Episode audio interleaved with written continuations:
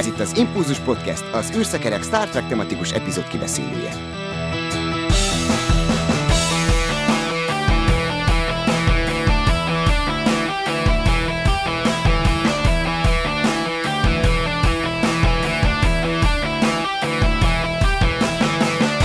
Szervusztok, kedves hallgatók!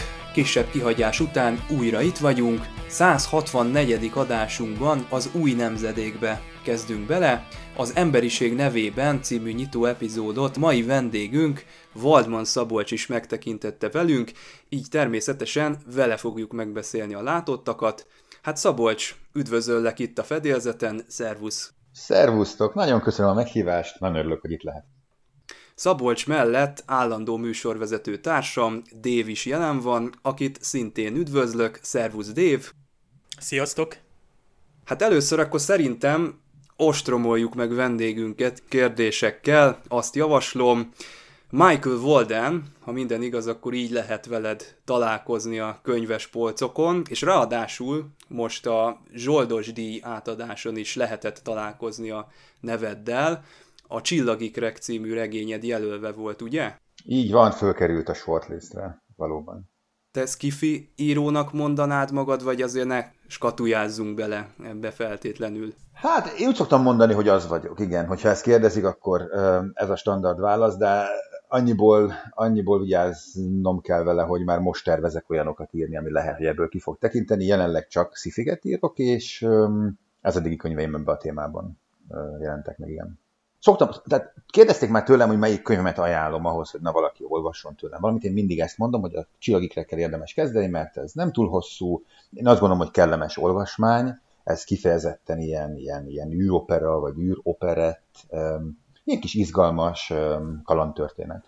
Na, én ajánlás nélkül is nekem ez felkeltette a figyelmemet, hasonlóan szerteágazó benyomást kelt, mint Markovics Botodnak a, az Eldobható testek című regénye, ott is ez a komplexitás ragadott meg engem, úgyhogy nekem felkerült a személyes listámra. Nagyon érdekes, bocsáss meg, hogy szinte, tehát nagyon hasonló témákról írtunk, anélkül, hogy egymásnak a munkásságát ismertük volna. Ugye a Botond is a különböző testek között közlekedő tudatok továbbéléséről írt könyvet, és ez nálam is megjelenik. Nálam egy idegen lény az, aki hasonlóan testeket váltó, nagyon idős szellem, vagy tudat, ha úgy tetszik, és um, hasonlít a téma ebből a szempontból. Nagyon érdekes volt, mikor megláttam, a két könyv szinte egy egyszerre jelent meg, és így fogtam a fejem, hogy hát ez meg hogy történhetett.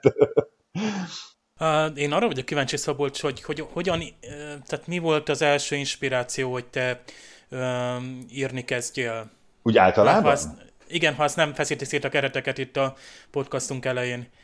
Hát figyelj, ez úgy történt, hogy egész életemben foglalkoztam ilyen különböző hm, történetmegjelenítési formákkal, én képregényrajzolónak is készültem, foglalkoztam zenével, filmeztem, és meséltem szerepjátékot, ami nagyon fontosnak tartok ebben az evolúcióban. Volt olyan, hogy ilyen több évekre, több évig tartó élettörténeteket meséltem egy csapatnak, és hát eljutottam arra a szintre, hogy, hogy ez mind-mind kevés, és muszáj valami többet letenni az asztalra.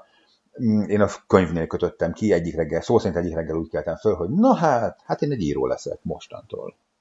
És ez így egy, egyik reggel fölkeltem, ezt elmondtam otthon, nagy köz örömet okoztam ezzel, ilyen megmosolygást, de nekem ez egyértelmű volt, hogy ez így működni fog, és hogy ez fog történni mostantól. Akkor ezek szerint sose késő. Persze, ugye három dolog kell, ha valaki író akar lenni, az kell három dolog. Kell hozzá valamennyi tehetség. Nem olyan nagyon nagy, de kicsi azért kell. Kell hozzá istentelenül nagy munka. Tehát ebben nagyon-nagyon sok munkát kell beletenni, és kell hozzá szerencse. Ezek közül párat lehet némi pénzzel orvosolni, de a szerencsét nehezen. Tehát ha nem vagy jó helyen, ha nem olyat írsz, amit éppen keres valaki, hogyha éppen a piac nem olyan, akkor nem lehet betörni, de hogyha pont jókor, pont jó helyre küldöd, akkor akár működhet is. Na vágjunk bele akkor a mai adásunkba, de még mielőtt a híreket itt bemondanám, előtte azért azt is látni kell, hogy műsorunk minimális megújuláson esett keresztül. Ez jelen esetben azt jelenti, hogy mindig lesz velünk itt egy vendég, Általában Dév és én leszünk a műsorvezetők, és hozzánk csatlakozik majd mindig egy harmadik beszélgető társ. Hát aki esetleg most Attillát hiányolja, őket megnyugtatom, hogy ne csüggedjenek, mert ő is állandó visszatérője lesz ennek a beszélgetés sorozatnak, tehát az ő visszatérésére is számíthattok. Na nézzük meg akkor a híreket. Hát elég sok minden történt a Star Trek világában, mióta nem voltunk aktívak. Szinte minden új sorozathoz érkezett valami kis tréler vagy kedvcsináló, még itt a kapcsolatfelvétel napján. Ebből szerintem most emeljük ki a Star Trek Picard második évadához készített kis rövid tízert, hiszen ez valamennyire azért kapcsolódik a mai kibeszélő témánkhoz, ugyanis bejelentették, hogy Q is vissza fog térni, és ezzel kapcsolatban John Delancey már nyilatkozott is, egy kicsit azért kifejezte aggájait, hogy hát nem lett fiatalabb, mióta utoljára eljátszotta ezt a szerepet, és hogy vajon hogyan fogja így alakítani ezt a halhatatlan lényt. Hát igen, azért Brent Spinernél ö, hasonló okok miatt nálam rezgett a léc már az első évadban. A sztoriával nem volt problémám, viszont hát kicsit furcsa volt már neki az a make-up.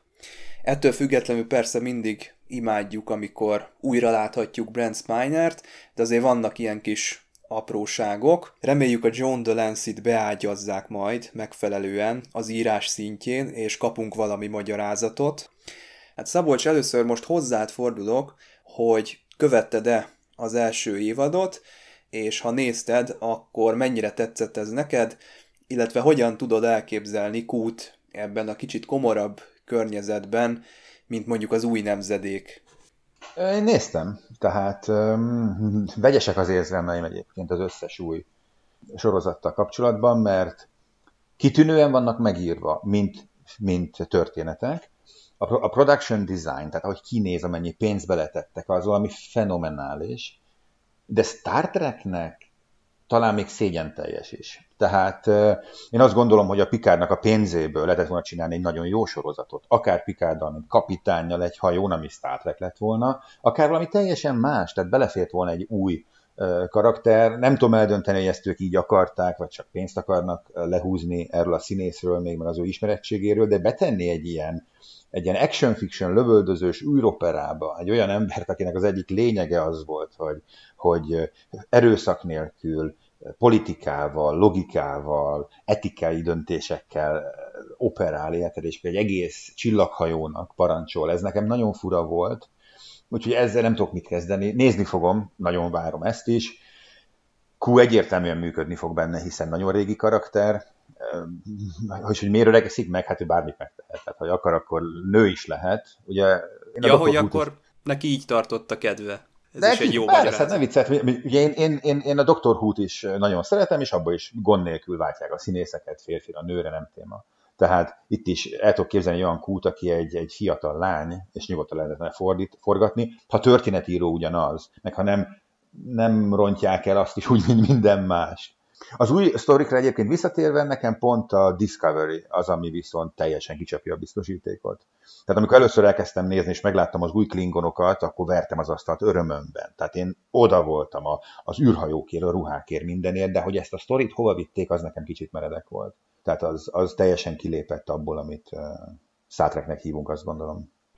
Hát vegyesek az érzéseim, mert uh, ugye Détánál is egy uh, hát nagyon nagy fan szervizként láttuk, hogy uh, ő megjelenik. Persze egész más jelentősége lett, hogy kiderült az évad uh, során az ő személyének. Még most sem tetszik, ami, ami ugye a Détának a sztoria a Picardban. Aztán... Uh, Azt hiszem értem, mire gondolsz, igen volt a Détának egy sztoria, egy önfeláldozása a nemezésben, azzal szerintem nagyszerűen le volt zárva ő, nem mintha örültem volna akkor is, de, de de szóval itt megismételtük magunkat. De vissza Q-hoz, ugye Détánál is ott volt a Brent Spinernél, hogy hát már idősek vagyunk, de próbáljunk ugye sminkel, meg Isten tudja milyen algoritmussal azért fiatalnak látszani, meg hogy az csak Pikár álma, vagy lehet, hogy azt is a Q generálta. Na mindegy, Q talán pont egy ilyen újabb szituációt ad neki, bár a Pikár említi ebben a bizonyos félperces előzetesben, hogy nincsenek új esélyek, de vannak lehetőségek, nem is tudom mit, mit mond, meg talán az időutazása is vannak utalások, hát azt is mindig úgy érezzük, hogy imádjuk az időutazást, de ahhoz valami nagyon jó koncepció kell, illetve az időutazásnak ezt a azt a plot holt, amit az okoz, hogy egy hatalmas, vagy plot device elnézést, hogy nagyon jól meg tudunk vele magyarázni és mozgatni dolgokat, csak nehogy az legyen, hogy jön Q és az ő csettintése túl ö, könnyedé teszi ezt a sztorit. Tehát lást, hogy Q ö, egyszer, mint hát ő haza tudná vinni a Voyager-t is, ha mondjuk a Janeway kapitány, nem tudom, gyereket szül neki, és, és kompromisszumokat köt. Tehát ö, itt, itt félek egy picit, hogy a Q-nak ez a komoly, komolytalan karaktere ebben a Pikárban, ami hogy hát komoly drámának mondaná magát, itt mennyire fog majd ö, ö, helytállni szerintem a színészben is vannak ilyenek, tehát ő is egy picit, picit ezt érezte, most voltak már ilyen nyilatkozatai, hogy végignézte az első évadot, tehát a Picardból, hogy megismerje például a legénységet, talán a Guinan is ott lesz, azt hiszem ez is meg van erősítve, és akkor ott közöttük is volt konfliktus a kezdetektől, mármint a Q Continuum, Q népe és Guinan között. Lehet, hogy az lesz egy főszál, nem tudjuk még, tehát én nagyon remélem azt a Romulán szállat elhagyjuk, ami, ami az első évadban volt, ami nekem annyira nem tetszett, ez a zsátvás és egyéb még egy újabb háttérsztori a Romulának meg, és még egy újabb titkos ügynökség. Bár, bocsánat, hogy közbeszólok, ami nekem így elvitte, hogy megvette a sót, amikor azt mondtam, hogy szinte kiesett a bögre a kezemből, az azok, mikor megjelent a Romulán Bird of Prey, a hajó, az a régi, originál hajót behozták, és gyönyörű volt, úristen, az azért nagyon szép pillanat volt, meg kell hagyni. Tehát azért sajnálom, annak nem lenne folytatása. Zárják le azt a Romulán sztorit, én sem tiltakozok ellene, de, de ugye ez a bajunk, hogy itt vagyunk a 2020-as években, és mindent tudunk előre, a produkciós nyilatkozatokat, és mindenki, minden színész elmondja, hogy milyen fantasztikus forgatókönyvet olvasott, és milyen nagyszerű lesz a visszatérés nagyon jó lenne, ha ilyenek híreket nem, én nem tudnék róla, hogy a John Delancia valaha is visszatér. Ezt már nem lehet megcsinálni, itt vagyunk, blogolunk, podcastolunk, tehát elkerülhetetlen.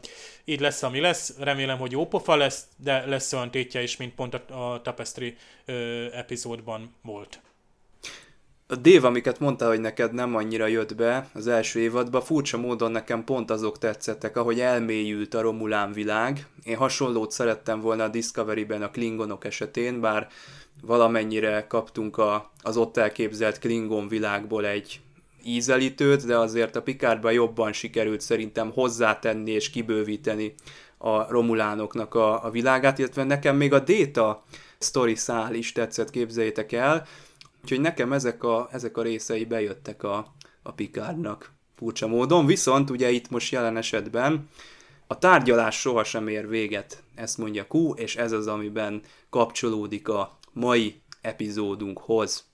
Figyelem! A műsorban spoilerek bukkanhatnak fel.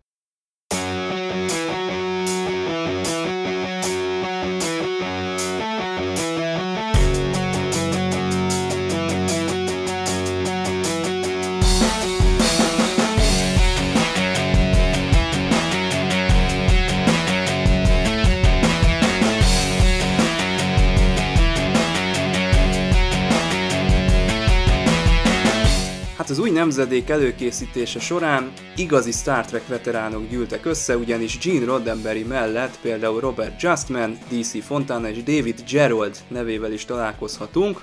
A sorozat beindítását viszont heves viták és húzós belső viszályok nehezítették. Ugye ezzel kapcsolatban William Shatner készített egy dokumentumfilmet, ennek a címe Chaos on the Bridge, ezzel mi is foglalkoztunk itt a Impulzusban, nem is tudom, ez azóta lehet, hogy már a Netflixnek a kínálatából úgy eltűnt, DV-n ezt már nem találom. Lehet, hogy rossz helyen keresem? Az simán lehet, hogy eltűnt, hogy onnan is szépen vándorolnak kibe a különböző alkotások. Kár lenne, mert én, én szeretném, vagy szerettem volna újra nézni, más forráshoz kell fordulni. Igen, igen. Pont ezt akartam mondani, aki kíváncsi arra, hogy milyen nehezen indult be ez a sorozat, akkor annak ajánlom ezt a dokumentumfilmet, Chaos on the Bridge, William Shatner a host. Viszont ugye itt most nekünk DC Fontana vállalta el ezt a forgatókönyvet, ő viszont a Farpoint helyzetre koncentrált, illetve ő csak ezt a történetszálat írta meg. Ennek az volt az oka, hogy nagy volt a húzavon a Roddenberry és a stúdió között, hogy most akkor végül is 60 perces, 90 perces vagy 120 perces történetet írjanak. Hát végül is az lett ennek a következménye, hogy DC Fontana nem töltötte ki a teljes műsoridőt, úgyhogy jött Roddenberry, és végül is ő tette hozzá ezt a Q történetszálat. Most itt a stáb és a színészek elég vegyesen oszlanak szét abban a tekintetben, hogy egy részük azt mondja, hogy hát nagyon nem illik össze, össze van gyúrva tulajdonképpen, össze van erőltetve ez a két történetszál. Egy másik részük viszont úgy nyilatkozott, hogy nagyon is tetszik nekik. Én az utóbbi táborba tartozom, tehát én már nem tudom elképzelni enélkül a történetszál nélkül a, az Encounter at Farpointot, de hát ez mondjuk két különböző nézőpont, hiszen ott van egy író, a DC Fontana, aki teljesen máshogyan képzelte el ezeknek a karaktereknek a bevezetését, a bemutatását, úgyhogy meg lehet érteni a, az ő nézőpontját is. Természetesen nem csak ennyi lett volna, amennyit látunk az epizódban, ő sokkal akciódúsabbra tervezte meg ezt az egészet, hogyha csak annyi van, amit az epizódban látunk, az szerintem valóban nem állt volna meg, illetve ott is egy tipikus Star Trek toposszal találkozunk, ugye ez az empátia és az idegen lények, akik, akiket végül ugye valamilyen úton, módon meg kell érteni, és nem, nem az erőszakos megoldáson van a hangsúly. Ez is egy nagyon szép Star Trek történet, de én azt mondom, hogy a Gene Roddenberry-nek a története megkoronázza ezt az egészet, és a Fontana történetét is erősebbé teszi és kiemeli. Roddenberrynek azt tanácsolták, hogy hát inkább ne erőltesse ezt a Q történetet, mert nagyon hasonlít az eredeti sorozat trilénes sztoriához, ugye a Gotos ura című epizódból, hogy egy ilyen, hát mondhatni unatkozó, szórakozó, nagyhatalmú lény piszkálja a legénységet, és Roddenberry erre azt mondta, hogy nyugodjon meg mindenki, ő ezt tök jól meg fogja oldani, és valóban nagyon látszik rajta, hogy szeretné megmutatni, hogy mi a Star Trek, hogy azt szeretné hangsúlyozni, hogy ebből az emberiségből mi lehet, a legjobb dolgokat, a legpozitívabb lehetőségeket emeli ki, és ez maradéktalanul átjön. Úgyhogy szerintem enélkül a történetszál nélkül kevesebb lenne az életünk, de azért megkérdezlek titeket is, hogy ti hogy gondoljátok ezt. Nos, um, megértem mind a két oldalt, mert um, egyik oldalról, tehát maga a Farpointos történet, vagy bármelyik másik történetet beleágyazni egy olyan keretbe, amiben egy ilyen isteni hatalmú lény vizsgáztatja a legénységet, ez alapból működik. Tehát szinte bármilyen lehetett volna a belső történet és a külső történet. Ezt így képzelem el valahogy, hogy egy ilyen, mint a barackot, meg a magját. Tulajdonképpen bármilyen más sztorit is belerakhattak volna, a kúszszál akkor is működik.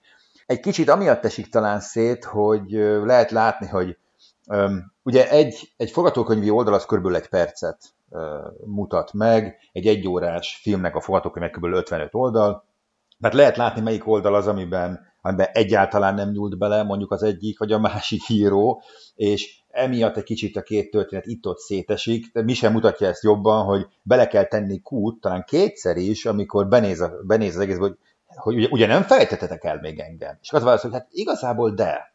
Jó, hogy itt vagy. Jó, hogy mondod, hogy egyébként van egy másik sztori is futóban, mert valójában nagyon elfelejtettük már, hogy te itt vagy.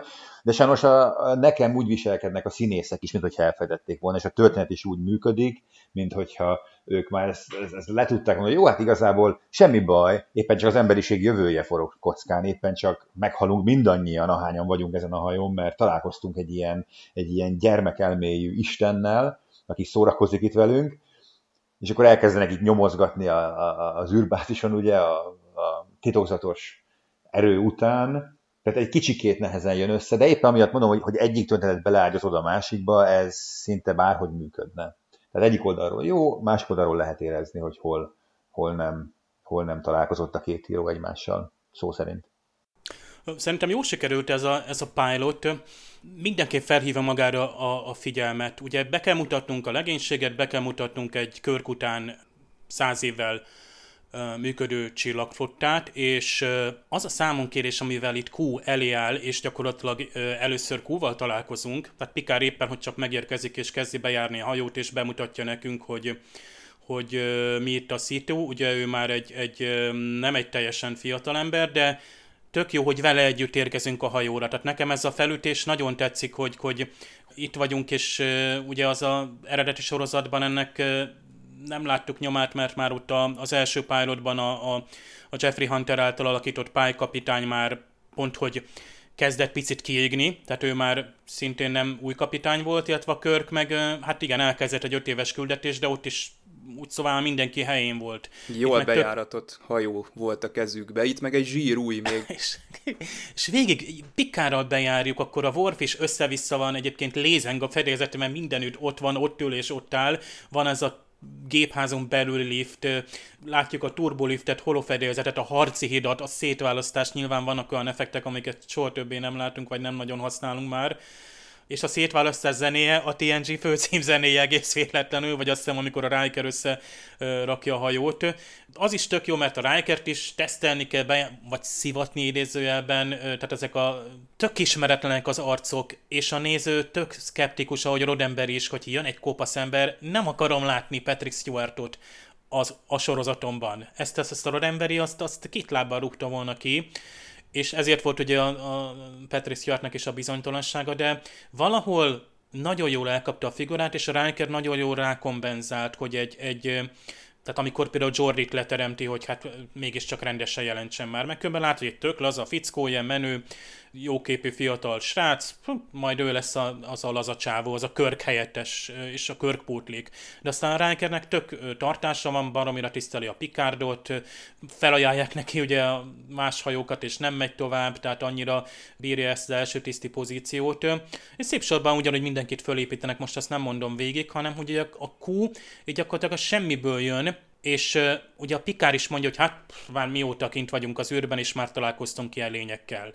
Amúgy azt, ugye a magyar cím az emberiség nevében, na de várjunk már, hát a Pikár az, az már rég nem az emberiség nevében jár el.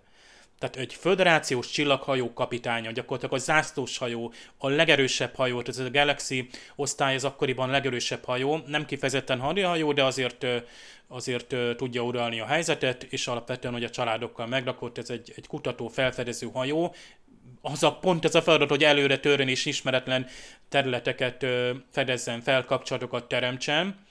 Erre jön valaki, aki oda tesz eléd egy, egy, egy falat, hogy na ne, kész. Mert még tök annyira primitívek vagytok, mint amilyen vad és műveletlen és civilizálátlan volt az emberiség a 21. században. Tehát olyan, mint a Q lemaradt volna egy-két évszázadot, ráadásul tök ugyanabban a stílusban tartja az egész, tehát az egész megjelenése, ugye hozza ezeket a, a sztereotípiákat ugye a Föld különböző történelmi koraiból, megjelenítve, hogy hát ilyen és ilyen vad és önző volt az ember, de hát még egyszer mondom, hogy ugyan még nem látunk sok nem ember, tehát főleg emberekkel van megrakva az Enterprise is. Kell még egy kis idő, mire tényleg tel lesz egy csillaghajó más fajokkal is, de most nem erről van szó, hanem hogy a, a Bolygók Egyesült Föderációja, tehát a Picard nem az emberiség nevében kéne számon kérni, hanem azt, hogy hát már Archer összeboronálta, nem tudom, az andoriakat, meg a tellaritákat. Hát már mióta, már 200 éve gyakorlatilag építjük ezt a galaktikus békét, vagy legalábbis az alfa kvadránsban úgy egy-két fajjal még azért mocolognak, ugye a Klingon is ott van már, tehát azért romulánok, kardasziak, azokkal lesz gáz, de amúgy meg jól működik ez az együttműködés, ez a föderáció, és pont a föderáció alkalmas arra, hogy bebizonyítottuk, hogy többféle faj képes együttműködni, és úgy ismerünk meg más fajokat. Tehát nem csak az ember megy kifelé, és akkor azt mondja, hogy hát én vagyok a legmagasabb rendűbb faj, és, és mindenki hozzám kell, hogy hasonlítson, hanem akkor már, egy, már ott van a tolerancia, hogy, hogy együttműködünk, mert egy föderációt képviselünk. Tehát a kurnek a számonkérés az tök alkalmatlan, ráadásul ugyanazzal a, a modorral kéri számon, tehát gyakorlatilag, mintha ő is egy ilyen 21. századi barbár lenne, tehát lásd a bírósági tárgyalás, abszolút nem tisztességes, plusz még ott a kolóniát is veszélybe sodorja, tehát ezzel a tesztel gyakorlatilag a Q, ott ö, életek is pusztultak, amikor ugye a, a, megtámadták a, azt a állomását, vagy az óvárosokat. És a Q, Q gyakorlatilag ezt hagyta. Annyit azért, azért bele kell, hozzá kell tennem, hogy lehet, hogy sokkal nagyobb konzisztenciát vársz el a sorozattól, mint amekkora most van benne. Mondok másik példát, például Csillagok háborúja, vagy a Warhammer 40 ezer, amikor valamikor régen, mit tudom én, 80-as évek vagy 70-es években letettek egy, egy mondatot beletettek valahova, és akkor még 50 évvel később is azt próbáljuk megmagyarázni, hogy az miért volt úgy. Hát nem mindig azért volt úgy, mert az konzisztens. Amikről beszéltél, azokat nem olyan régen tudtuk meg, mint én három sorozattal ezelőtt tudtuk meg azt, hogy ki hogyan, kit hogyan fésült össze a, a Riker. Hogy hívták? Jaj, az első Enterprise-ban. Archer? Archer, azaz. az, hogy hogyan hogyan fésülte össze a, a, a kis bimban fejűeket a többiekkel. Ugye ez, ez, ez egy mostani történet. Akkor, akkor felét se tudták hát ezeknek. igen, meg azért, tehát ezt a sorozatot emberek nézik, az embernézők még az idegenekben is az embert szeretnék látni, vagy azt ahhoz tudnak kötődni, még ha nem is azt szeretnék látni, de azt értik. Tehát az egész dolognak az emberi dimenziója az, ami mindig erről van szó a Star Trekben is. Kimegyünk oda, de tulajdonképpen, mint hogyha csak egy nagyobb emberiséget látnánk. Hiába van ott mindenféle faj, ők is két lábon járnak humanoidok nagy részt, emberi tulajdonságok vannak, mert magunkból indulunk ki, tehát az írók is magukból indulnak ki, és csak azt tudják leírni, amit, amit a saját tapasztalataik alapján összegyűjtöttek. De itt van velünk hát egy azért író. vannak, igen, épp azt akartam mondani, hogy azért van egy-két író a világon, aki képes kitekinteni ebből. Aha. Egy most elmondtál, az az egyébként remek Star Treknek az egyik gyengéje. Tehát itt nem csak arról van szó, hogy a Star Trekben kimerül a, az idegen lények fantázia, tehát a idegen lények elképzelésének a fantáziája annyiba kimerül, hogy kinek a homlokára mit ragasztunk. Nem csak erről van, hanem valóban eléggé humanoidok sokszor, eléggé úgy vannak megírva, hogy tudjunk velük mit kezdeni, valójában találkozhatnának amőbákkal, meg, meg, meg olyan lényekkel, akinek teljesen más etikai rendszere van. Ezekkel nagyon, nagyon keveset foglalkoztak. Na jó, de hát ez a gyengélet, mellette megimádjuk, mert annyi sok erőssége is van. Tehát van olyan író vagy olyan sorozat, amiben az idegeneket jobban kitalálják, diverzebbek, különbözőbbek az embertől, és van, amikor nem. De azt hiszem, hogy a Star nem is ez az ereje, sose ez volt az ereje. Hát látunk itt egy emberiséget, illetve egy fejlődés történetet. Arról szól az epizód, hogy bizony már nem úgy működik a 24. században az ember, mint ahogy korábban, de vajon hasonlítható az emberiség fejlődés története egy adott ember bizonyos korszakaihoz, például gyermekkor, serdülőkor, felnőttkor, és hogyha igen, akkor vajon most hol tartunk jelenleg? Ez egy nehéz kérdés, és megmondom, hogy miért az. Mert valójában ezek a, ezek a rangok, hogy valaki gyermek, felnőtt, vagy lázadó, vagy bölcs, ezeket, a, ezeket az én állapotokat minden egyes ember is folyamatosan veszi fel. Ezt úgy kell elképzelni, hogy mm, ugye megtanultuk, hogy hogyan kell az, ezeket az állapotokat bennünk kezelni, de hogyha egy új szituációba kerülünk, mindannyian átmegyünk ezeken minden egyes alkalommal. Most például hagy hozzam mondjuk egy hotelszobát. Ha egy ember megérkezik egy hotelszobába, akkor csecsemő rangba lép be. A csecsemő mivel foglalkozik? Hol az ágyam, hol a WC-m, hol a kajám. Megnézed, hol fogsz aludni, hol lesz a, az ágyad, meg megnézed, hogy mikor fogsz tudni reggelizni. Reggel ki van írva, meg a wifi jelszó. És utána átlépsz a gyerekkorba, amikor mi jellemző a gyerekkorra? A vidámság, a kíváncsiság kinéz az ablakon, hú, azonnal már most menjünk a szaunába, pedig már este van, nem baj, nézzünk meg mindent, fú, a tévébe is mi van. Mi jön a gyerek után? Jön a lázadó, a kamasz kor, ez körülbelül az átlagembernek 10 percébe se telik, hogy megtalálja magában, és akkor már elkezdi nézni, hogy jé, ez is itt poros, meg már most meleg van, meg nem nyílik az ablak rendesen, meg mit tudom én, és akkor talán az első fél óra után eléri a felnőttkort, amikor nyugodtan lebír menni este már a bárba vacsorázni, de garantálom, hogy amikor belép a bárba, abba a pillanatban ugyanúgy a csecsemőrang lép elő, hogy úristen, hova fogok leülni, és hogy kapok minél hamarabb levest. És ezeken az ember mindig újra és újra átmegy, és van, aki nagyon gyorsan képes ezekbe váltani, van, aki pedig egyáltalán nem.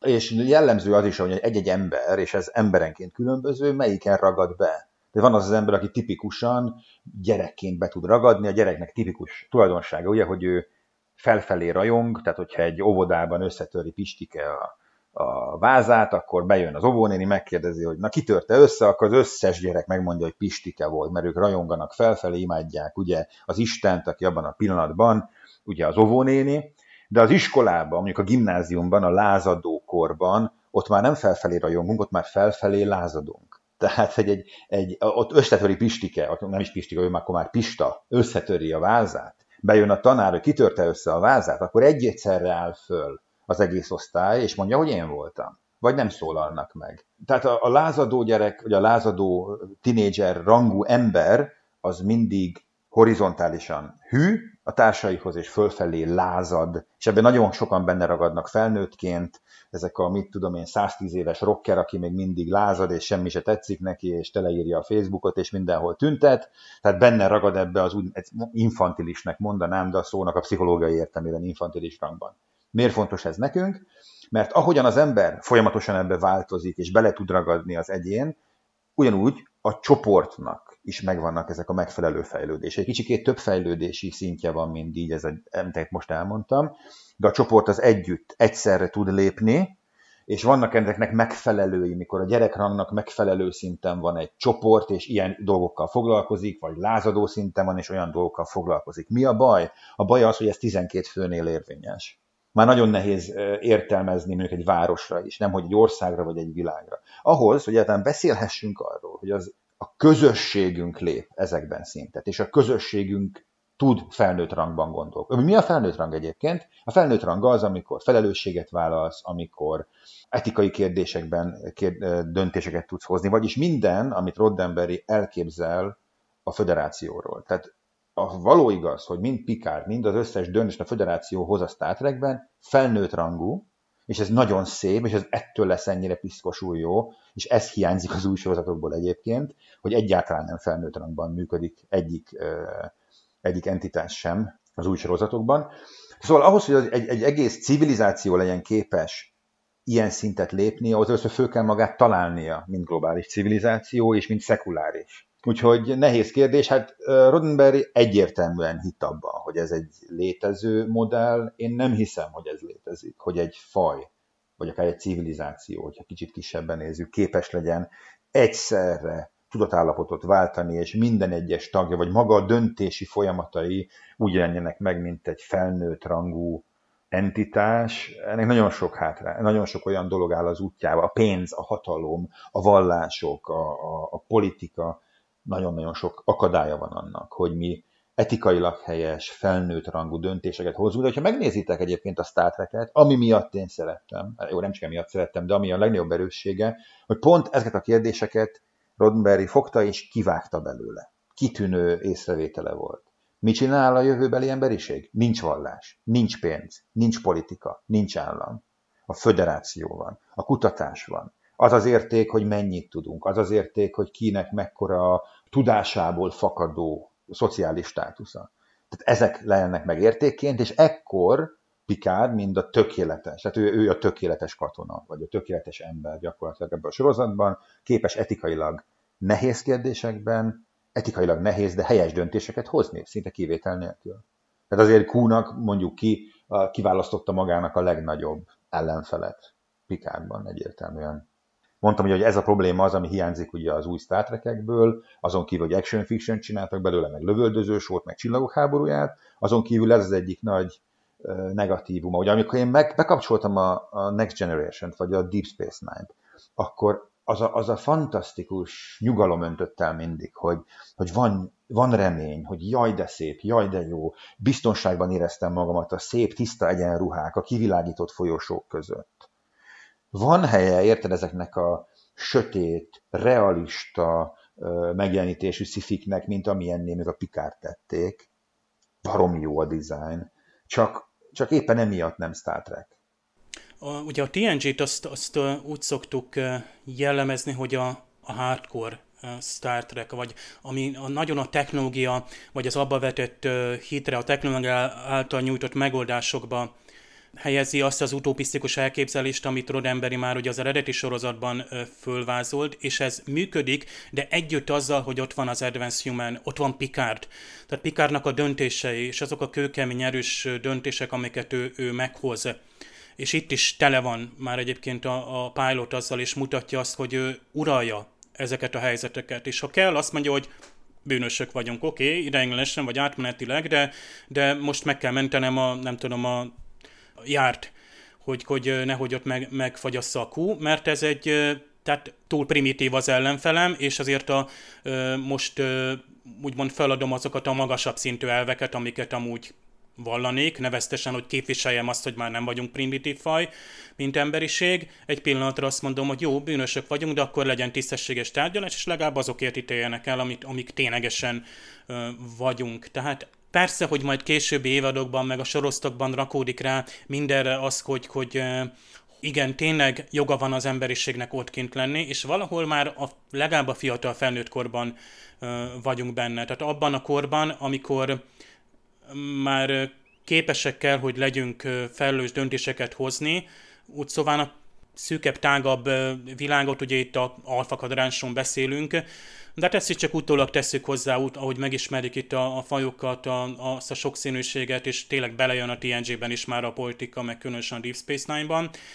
De az úgy van ott jelen, hogy ahogy Szabolcs is mondta, hogy nincs, nincs olyan állam szervezet, vagy a, a, a vallás, vagy azok a, ugye a Földdel nem is törődünk, nem is látjuk. Lásd, ugye Deep Space Nine-ban is van kifejezetten egy epizód, amikor azt mondja Cisco, hogy mi a baj, hát a Föld, ahol minden rendben van, és kint meg nincs teljesen rendben ö, minden. És ö, tehát ez, ezt az utat járja az Enterprise, ahol ugye nincs mindig teljesen rendben, vagy ő az első frontvonal, ahol aki találkozik teljesen más fajokkal. Most lásd egyébként, annyira jó, hogy itt a Pirate epizódban olyan faj kerül elő, egyrészt ott van Q, aki nagyon emberszerű, de közben meg egy ilyen omnipotens, de amúgy meg egy rendkívül pimasz valaki, akit amúgy úgy tűnik, hogy emberi módszerekkel is le lehet fegyverezni, hiába, hogy teljesen végtelennek tűnik a, a hatalma. Ebből a szempontból jó, hogy ez csak egy kerettörténetet ad, tehát nem Q a fő konfliktus hanem tényleg ott van egy alapküldetés, ami mondhatjuk egy standard misszió, hogy van, hogy meg kell vizsgálnunk, hogy megfelele a federáció elvárásainak mondjuk egy, egy új uraállomás, csatlakozhat-e egy új faj, ez ugye ez sokszor visszatérő téma, és hogy nincs -e valami visszásság, tehát azok az elvek, és megint, amit már nem csak az emberiség, hanem a föderációval, vagy együttesen kimondhat, hogy nem okozhatsz fájdalmat másoknak, nem tarthatsz rabságban, nem kényszeríthetsz egy lényt akiről kiderül, hogy érző lény, vagy nem is ismered, hogy mennyire érző lény, hogy valami olyasmit kényszeríts rá, hogy megtegyen. Ugye itt a Pikárnak gyakorlatilag egy kis mozaik kellett a végén, aha, most már tudom. Most már összeraktam, hogy, hogy itt mit művelt ez a Gropler. És köszönjük, ebből így nem kérünk a, a, ilyen áron a technológiából, tehát igenis, hogy visszautasítja, pedig ez gyakorlatilag a csettintésen működő technológia. Tehát szinte két mesés dolog van, ugyanakkor két nagyon fejlett dolog ami egy teljesen másik lény, aki én úgy képzelem a kult egyébként, mint aki tudjátok, mint Superman. Kryptonon ugye ilyen átlagembereknek tűnnek ők, de aztán amikor érjen a Földre, ugye a világunknak a, a, úgy alkalmazkodik, hogy ő, ő szupererős, meg sérthetetlen és a Q, lehet, hogy a Q kontinuumban, hogy láttuk ezt a Q kontinuumot később, nyilván ez is utólag van rátéve, hogy, hogy azért ott, vagy legalábbis számunkra úgy próbálj bemutatni, hogy ott, ott, ott, ott ilyen emberszerű lények kommunikálnak egymással, meg még azon a szinten vannak, pedig már valószínűleg ilyen testetlen energialények régen ez a, ezen a poszthumán léten is talán túl vannak, és Q olyan, mint egy unatkozó kisfiú. Tehát lehet, hogy pont ő van még abban a kamaszkorban, miközben a mi, ugye meg már talán abban a felnőtt korban, vagy a felnőtt kor elején, amikor már igenis jó, ki tudunk lépni Lásd, amikor először megyünk külföldre, és ott mondjuk reprezentáljuk az országot, magunkat fölfedezünk, új kapcsolatokat teremtünk, van felelősségünk, hogy hogyan viselkedünk, teljesen más dolggal ismerkedünk meg, reagálunk kell dolgokra. És pont a, ezek a medúzaszerű lények, nem tudom, hogy a fajuk egyébként elhangzik aztán bármikor is, biztos Memory Alfán lehet ott vannak, ezek mutatják azt, hogy micsoda potenciál lesz majd itt, tehát ennyire más lényeket is meg tudunk ismerni, mert ott van egy Troy, aki nagyjából az érzések alapján meg tudja közelíteni, ott van egy Jordi, aki a, ott a falakat észleli, hogy az valami szerves ö, dolog, tehát ez a csapatmunka, ez az övé tém, amit imádunk, hogy a Star Trekben is nagyon jól ö, működik, mindenki hozzáadja a kis tudását, és ezt nagyon szívesen elképzeljük a kis íróasztalunk, meg a munkáján, az irodánk, munkállomásunk mögül, hogy így összeadjuk a tudásunkat, és külön-külön, vagy akár csak a mi fajunk nem lenne még alkalmas, de együtt alkalmasak vagyunk, vagy úgymond jogunk van, hogy kilépjünk, kommunikáljunk, kapcsolatot teremtsünk, még Kúnak ugye nincs joga minket elítélni azért, amilyenek vagyunk vagy voltunk, ugye ezzel is hangzik, hogy igazából mondjuk úgy, hogy a, az emberiség régi bűneiért Pikár kikéri magának, hogy azért ö, ítéljék el őket. Az egy tök jó mondat szerintem, hogy ha már el kell ítéljenek minket, akkor ítéljenek el azért, amik valójában vagyunk, Ez ugye, amikor Riker felvette, hogy úristen, mindig figyelnek minket, hát akkor mit csináljunk? Tehát ez a legjobb dolog, amit csinálhatunk ilyen helyzetben, úgy gondolom, és itt Pikárnak már előjön ez a rájellemző. Ez az első olyan Pikár mondat szerintem, ami olyan nagyon pikárdos. Ott nagyon a helyére kerül, vagy nagyon bemutatkozik ez a karakter. Ez körülbelül a felénél van a epizódnak, amikor kettészedik, akkor körülbelül ez az utolsó mondat. Most én itt két különböző kút észlelek. Az első felében ennek az epizódnak nagyon nyomasztó. Félünk tőle, mondhatjuk ezt. A másodikban már, mintha valamennyire éreznénk azt, hogy jó, itt ezzel már nem lesz gond.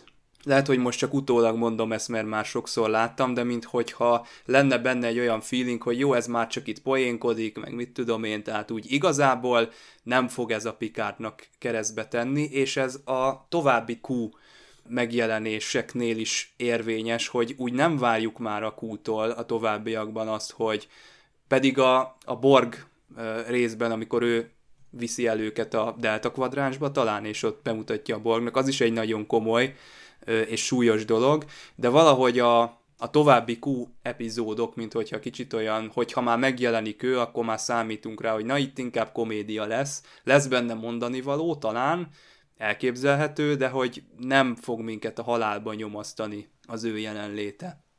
Én meg kell, hogy valljam nektek, hogy nem csak, hogy nem szeretem Kút és a Kús epizódokat, egy kifejezetten rosszul megírt karakternek és idegenlénynek tartom. Tehát ez egy olyan, ha nézzük a Borgot, ami az egyik legjobb sci ellenség, meg kell majd vizsgálnom, hogy a Cybermanhez képest időben hogy van, tehát hogy kimásolt kiről, de nagyon ijesztő, nagyon valós. Meg kell nézni még a, a klingonokat, akik a maguk nyersességével és mégis becsületkódexével milyen hihetetlenül érdekes és jó ellenpár, és a, a, a jó történeteket segítő idegen lények.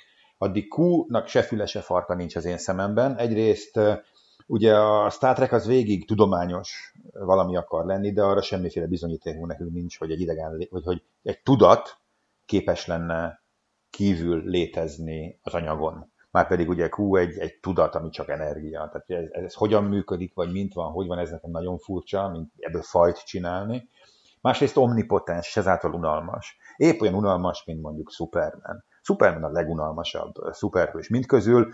Nem tudom, tudjátok-e, például ki neki találni a kriptonitot, utólag találták ki, mikor rájöttek a tizedik képregény után, hogy ez egy nagyon unalmas dolog, hiszen mindenkinél és mindennél erősebb. Hát is van erőltetett, hogy akkor egy ellenszere van. Kúnak nincs is ellenszere. Tehát ha belegondoltak, hogy milyen logikai csapdákat csinált magának ezzel az írócsapat, hogy Q bármit megtehetne, hát miért nem tünteti el a borgot, miért nem, miért nem menti meg az emberiségtől a világot, vagy a világot, az, vagy az emberiségtől a világtól.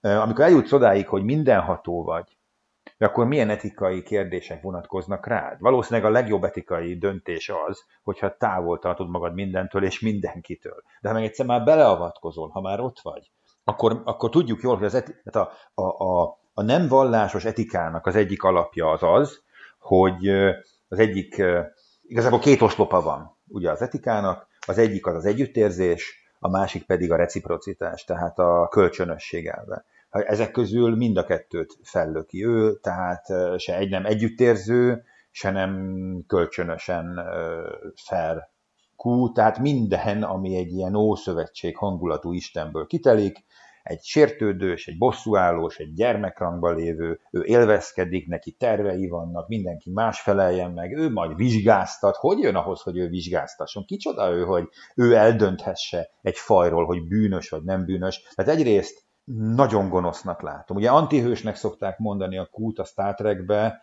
hát mert ugye, hogy érdekes, de csak a karizmája viszi el. Tehát, hogyha betennél oda egy unalmas ember, betennél oda egy, egy szörnyeteget, egy, egy nem emberszabású, fröcsögő, vérengző szöneteget tenné be az ő helyére, mindjárt más lenne a történet. Ő csak azért érdekes, mert vicces, enyhén homoerotikus, mert a Picardot mindenfélét ott, ott látszik, nagyon érdekli a, a, a, a Picardot, de tulajdonképpen Tehát akkor John Delancey megmenti, illetve az köré írt komédia megmenti a Pontosan, nagyon jó fogalmazol, ez menti meg, pedig valójában egy technológiának az ellentétje, az etikának az ellentétje, a föderációnak a szöges ellentétje, tulajdonképpen Q lehetne és kellene, hogy legyen a legnagyobb ellensége minden létezőnek.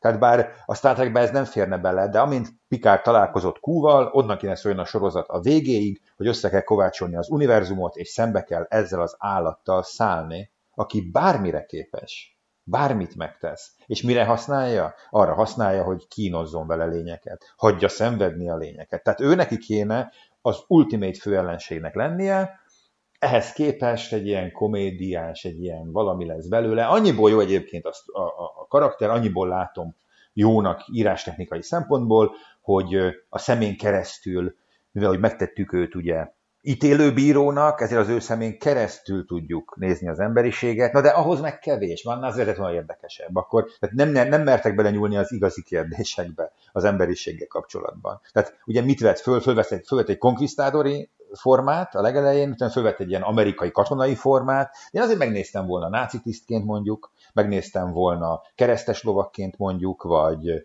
vagy valamilyen bármelyik fasiszta vagy nacionalista alakként, ehhez képest nagyon lágy megjelenési formákat választott, amikor azt mondta, hogy már pedig ő megmutatja, hogy milyen rossz az emberiség. Hát az igazán rosszakat nem is mutatta meg, azt gondolom. Érdekes, hogy a Q itt már fölfigyel a Rikerre, akit majd hát később megkísért, nem is, nem is sokkal itt a, a, az epizód után, és az, ez egy nagyon érdekes, hát a, a Q-val való interakció érdekes. Hát Cisco behúznak, és kiderül, hogy ő egyáltalán nem olyan, mint Picard. Na jó, de Cisco az nagyon nagy király, bocsánat. Tehát Cisco egy kicsit kimutat ebből a Star Trek univerzumból, és nagyon-nagyon király csávó. Ő egy kicsit ilyen militánsabb, és, de ő jobban is reagál ezekre. Utána vissza se tér a DS9-be a Q, csak a Voyager-be. Miután kiütik és tényleg nekem is ez a, a problémám, hogy van egy, egy, egy, egy, egy sci sorozat, és már megint ugye úgy beszélek, hogy, hogy nem tudom hányszor láttam ugye a TNG-t, ugye Deep Space Nine Voyager Enterprise, minden, Discovery, Redcon, és minden tudunk előre-hátra a, ezekből a, vagy ebből az évszázadból, ezekből az évtizedekből különösen, tehát a 21. század utolsó évtizedeit jól ismerjük, meg még jobban fogjuk majd, ha Pikár másik évadát is nézzük, de itt van egy alapvetően a technológiai megoldásokra épülő, vagy az azzal lenyűgöző, a nézőt azzal lenyűgözi kívánó science fiction sorozat, és, és rögtön hát úgy szóval mesés hatalmú lények vannak a pilotban, méghozzá mindkét vonalon. Mert a kúnak az a, tehát tényleg egy csettintésre ezt megteheti, egyébként mindig nekem Thanos csettintése jut eszembe, ahol azt mondják, hogy a Marvel legnyobb, legerősebb ilyen antagonistája olyan szempontból, hogy joga volt lehet, hogy joga volt erkölcsileg a saját erkölcs alapján megtenni azt, hogy hát most minden másik embert eltüntetünk, és akkor bekövetkezik egy boldog jólét a Földön. A Q hasonló arroganciával jön ide, hogy ő már ő már aztán a, tehát birtokolja azt az erkölcsi fölényt, amivel elítélhet, megítélhet minket, ő a vádlott esküdszék a bíra, mindenki egyben, meg ott van az a csőcselék körülött, tehát nagyon jó reprezentálja.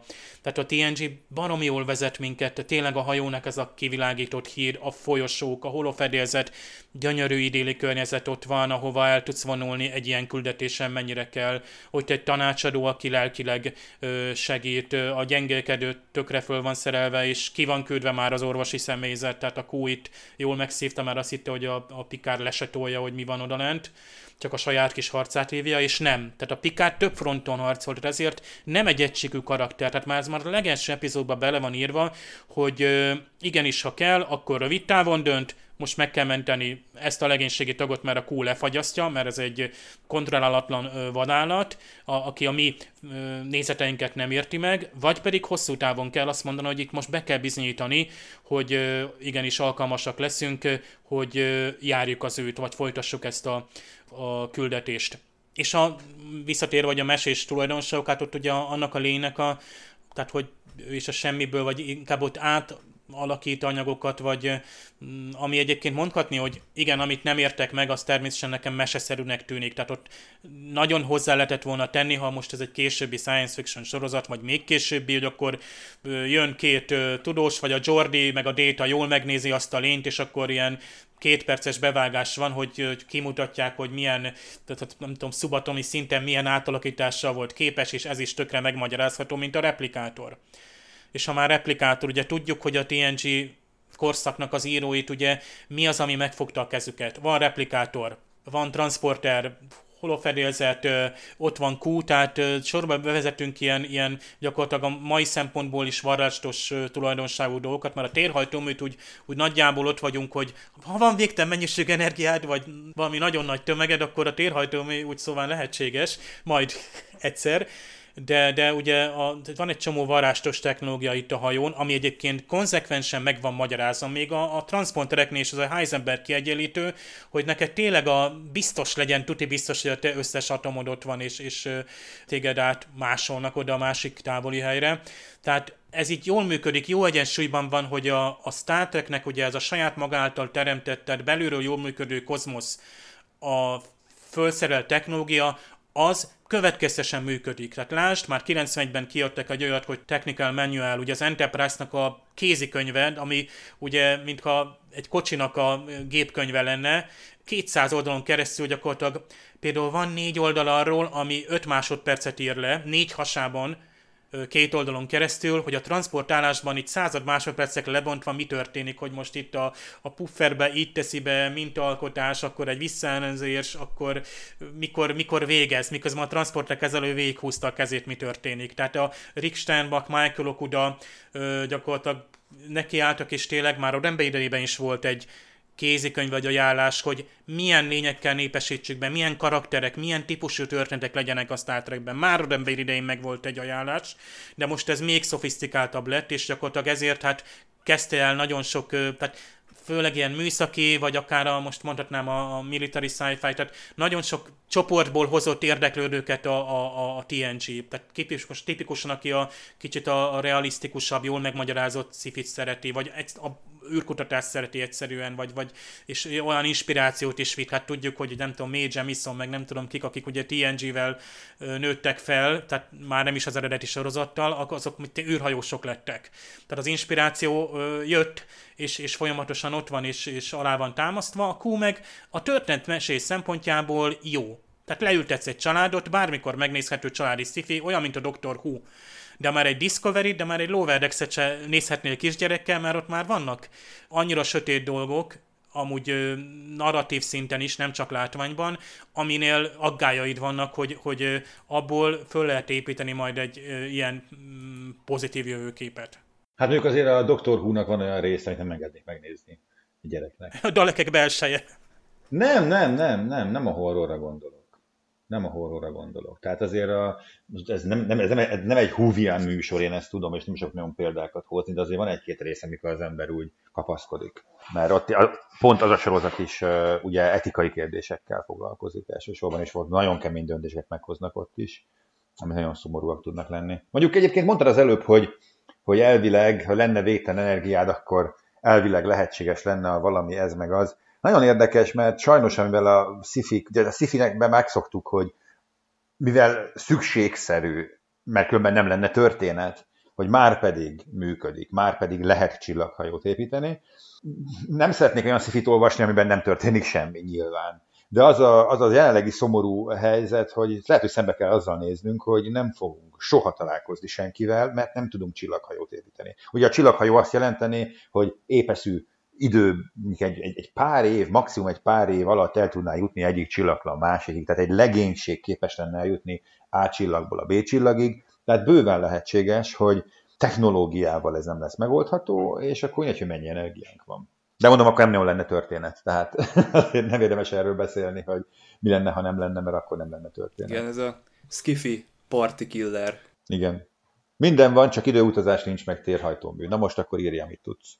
Hát írná egy térséget például, na. Azt mondjuk lehetne, egy expense Hát van egy olyan része ennek a történetnek, ami az empátia és az idegen lények körül zajlik. Ugye ez egy ilyen horta sztori. Volt egy Mr. Spock az eredeti sorozatban, aki kapcsolatot tudott teremteni a hortával.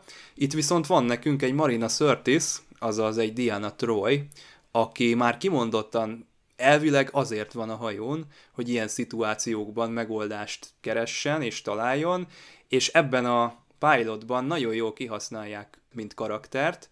Az kár, hogy a későbbi új nemzedék történetekben nem annyira kerülő ilyen kulcspozícióba, nélküle most ez a része a dolognak nem működne, hiszen ő a kapcsolatteremtő. Na most ez egy tipikus Star Trek téma. Nektek hogy tetszik ez a része a történetnek? Ugye az igazság, hogy két fő iskolája van annak, hogy hogyan értelmezzük a, a jó és a rossz és a, a valódi értéknek a kialakulását. Ugye a vallások egyértelműen ezt kívülre teszik, tehát azt mondják, hogy valahonnan érkezik az a valódi etika, az a valódi jóság. Mindannyian, állítólag mindannyian tudjuk, hogy mi a helyes és mi a helytelen. És akkor így, ha ez így is lenne, és ez bele lenne írva minden idegen lény szívébe, akkor valóban csak jó meg kéne őket érteni, hát nem is gonosz senki, úristen. A másik iskola, ugye, amelyik nem foglalkozik ilyen isteni külső behatásokkal, hanem azt mondja, hogy a etika egy teljesen logikus és érthető következménye az evolúciónak, mert az a lény, amelyik nem tud társadalomban élni, annak nem lesz társadalom, az nem lesz civilizáció alkotó elme. Tehát úgy lehet mondani, hogy mi, mint emberiség, önmagunkat szelektáltuk, mind amit hogyan a kutyusokat tudjuk tenyészteni, mi önmagunkat tenyésztettük ki olyan fajjá, aki tud mondjuk városban együtt élni, mert ha ez nem így lett volna, nem tudtunk volna együtt élni városban, tehát nekünk ki kellett csapni azokat a városból, akik gyilkolásznak, rabolnak, kedvük szerint erőszakoskodnak, tehát akik olyan lények voltak, olyan emberek voltak a történelem során, főleg ugye az őskorra gondolok, akiknek tényleg semmi kontrollja nem volt abból, hogy kit erőszakolnak meg, kit csapnak le, kit gyilkolnak le, azokat kénytelenek voltunk kitenni a társadalomból, vagy az élők közül is. Tehát ebben az iskolában azt lehet mondani, hogy az, ez, ez, ez a, a mi moralitásunk az gyakorlatilag egy evolúciós következmény, és szükségszerű, és hogyha ez így van, vagy hogyha úgy van, mint ahogyan a másik csoport mondja, mind a két esetben elvárható, hogy idegen lénynek hasonló legyen a moralitása, mint a miénk. És nagyjából így is van. Tehát, egy idegen civilizáció alkotó lény olyan fajta élőlény lenne, hogy ő tényleg bárkit bármikor megerőszakol, megöl, elrabol, stb., akkor ő se tudna civilizációt alkotni, tehát akár az Isten írja bele a lelkébe, akár az saját evolúciója, valahol hasonlónak kell lenni Tehát a akkor ez törvényszerű, de most itt az epizód végén egyfajta kéz törvényszerűséget, ők is, igen, vagy csápa csápban igen, boldogan igen. úgy elmennek, mint egy pár. Igen, de ugyanakkor a részletekben van ám az ördög elásva. Tehát gondolj bele, hogy ma a Földön van olyan ember, aki szerint etikus mondjuk egy nőnek az arcába savat önteni, csak azért, mert kocsit mer vezetni, és ez etikusan helyes döntésnek gondolja. És mi az, most lehet vitatkozni, hogy ez egy, ez egy abszolútum, hogy ez helytelen, vagy csak nekünk helytelen. Tudod? Mert neki az Istenem mondja mondjuk és ezzel nem foglalkozik a sorozat. Ebbe egy kicsikét gyáva, vagy tudattalan, vagy egyszerű, vagy naív, ezt nem tudom eldönteni, mert pont a Troy, hogy is ott van, milyen érdekes lenne, hogyha azt mondaná, hogy hát igen, itt ez idegen lény, aki dühöt érez, és, és, és elkeseredts, és meg kell oldanunk, hogy ő miért dühös. Hát ő azért dühös, mert meg akarja enni a kapitányt. És akkor mi van? Neki az teljesen fair, idegen kapitányjal találkozik, az a morálisan helyes, ha a kapitányt ő megeszi mindenki más mehet tovább. És ő teljesen frusztrált ettől, és ő neki rossz napja van, és akkor ezt hogy kezeljük, hogy ő nem meheti meg a kapitányunkat. És akkor találkozik két etikai vagy morális rendszer, de ez lehetne bármi más, lehetne az, hogy már pedig ő náluk, mit tudom én, a gyerekeknek nincs ilyen vagy olyan joga, az Enterprise-on meg van, és amíg ő ott van az Enterprise, az idegen lény, addig valamit nem lehet megtenni, ami Néha van azért ilyen, a, ilyen erkölcsi relativizmus van a Star Trekben. Tehát amikor például a Troy anyuka össze melegedik egy olyan pasival, aki, akiknél az a szokás, hogy 60 év fölött, vagy 65 év fölött egyszerűen kinyírják a, az ottaniakat, mert hogy az az életrendje. Ó, ezt a részt nem is láttam. Aha. Na, ezt majd a Half-Alive című epizód, illetve van az Enterprise-ban is egy ilyen, amikor a Trip összebarátkozik egy úgynevezett nemközi élőlényel, egy olyan fajjal, veszik föl a kapcsolatot, ahol három nem van. Azt, azt viszont láttam, igen. És ott a harmadik nemet akarja ő megmenteni, mert azok ilyen rabszolgaként igen, igen. tartják. Tehát időről időre azért igen. előkerülnek ilyen kérdések is. Én azt de, mondom... Kevés, de, de, nem túl sok, azt, nem túl sok. És az itt van, hogy itt azt írtad ugye a kérdésnek, hogy idegen lény, aki nem gonosz, csak meg kell őket érteni. Igen. Hát ez nagyon érdekes, mert hogyha életellenes, tehát életellenes filozófiájuk, akkor nem kell megérteni őket, akkor, akkor védekezni kell velük szembe és ez, ezt a pontot, én azt gondolom például a Cisco jobban kezeli, vagy a Cisco-nak jobb sztorikat írtak, amikor ő neki kénytelen azt mondani, hogy hát jó, hát itt nem megérteni kell, hanem mondjuk lépni. és erőszakot mutatni, erőt mutatni, nem erőszakot, bocsánat, erőt mutatni, fellépést mutatni. De jó, de tudjuk, hogy milyen régi ez a sorozat, ez 9, 80 mi? 7, 6, 4, 87. 87, de azért akkor még csak alakultak ezek a kérdések. Tehát ez lehetne bátrabb, de ugyanakkor, ha belegondoltok ebbe, az új sorozatok se túl bátrak. Az új csak abba bátor, hogy, hogy minden férfi gonosz, és minden fehér gonosz, csak a néger nő lehet jó. Tehát most ez az új sorozat gyakorlatilag. De e- ezekben a kérdésekben szerintem lehetne mélyebbre ásni, és nagyon érdekes lenne.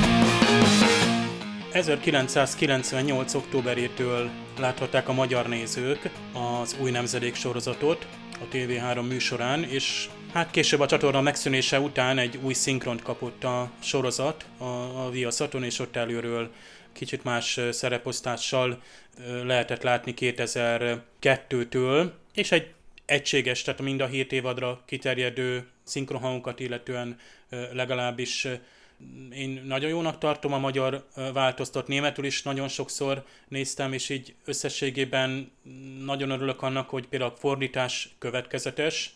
Kifejezetten az a, a Starteknek hát a tech része az a duma és szöveg, aminek itt én azt mondom, hogy innentől van értelme, és következtesen használva ezt nagyon örülünk, hogy visszatér, és hogy a szinkronban is ezt úgy tudták következtesen használni, tehát erre majd esetleg ki is fogok térni egy picit. Pikárnak a hajó mérete és komplexitása tűnik fel, amikor a fedélzetre lép, a hídra lép, és a magyarban csak annyit mond, hogy a modernségét tíz, ö, ö, csodálja, pedig ez a complexity, ez nagyon jól visszadta volna, ez egy, szerintem csak inkább itt a fordító gondolta, hogy kicsit egyszerűbb szót választ, tehát hogy a hajó az sokkal összetettebb, mint bármelyik más, amit eddig láttunk. Akár itt mozifilmek hajóra is kell gondolnunk, bár tudjuk, hogy az ötödik mozifilmben azért részben használták már az új nemzedéknek a díszleteit, mivel ugye a produkciós háttér az, az időben nagyon hasonló volt. És már is a technológiára ugorjunk, azt mondja Worf, akinek hát a pozícióját itt még nem nagyon látjuk, hiszen nem ő a, itt még nem ő a, a biztonsági és taktikai főtiszt, inkább én azt mondom, hogy itt ő, ő még a taktikai ugye hadnagyi rangban van, vörös egyenruhában és a jellegzetes Klingon válszalaggal, és itt azt mondja, hogy a védőpajzsok be vannak kapcsolva, miközben az eredetiben már elhangzik ez a deflector, tehát a deflektorok ami ugye a csillaghajónál nagyon fontos, ez a deflektor mező, ami ugye eltereli mondjuk a támadásokat. Tehát amikor megtámadnak egy hajót, és látjuk, hogy ilyen buborékszerűen kivéd mondjuk energia, fegyvereket, az a deflektornak a műve. Tehát az a védőpajzs egy picit egyszerűbb megfogalmazás, és meg is különbözteti az angol, hogy van shield és van deflector.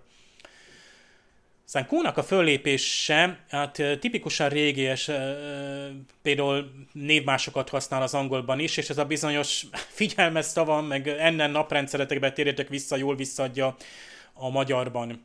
A Pikárnak a frázisa, stand by, engage, hát az Pikár és az engage, ez szerintem egy ilyen ikonikus, és hát magyarban ez figyelem, indulás. Tudjuk, hogy némely kapitányok még küzdöttek is ezzel, hogy kitaláljanak valami jó frázist, amivel a, a hídon például a hajónak az indulási parancsot kiadják, vagy a kormányosnak.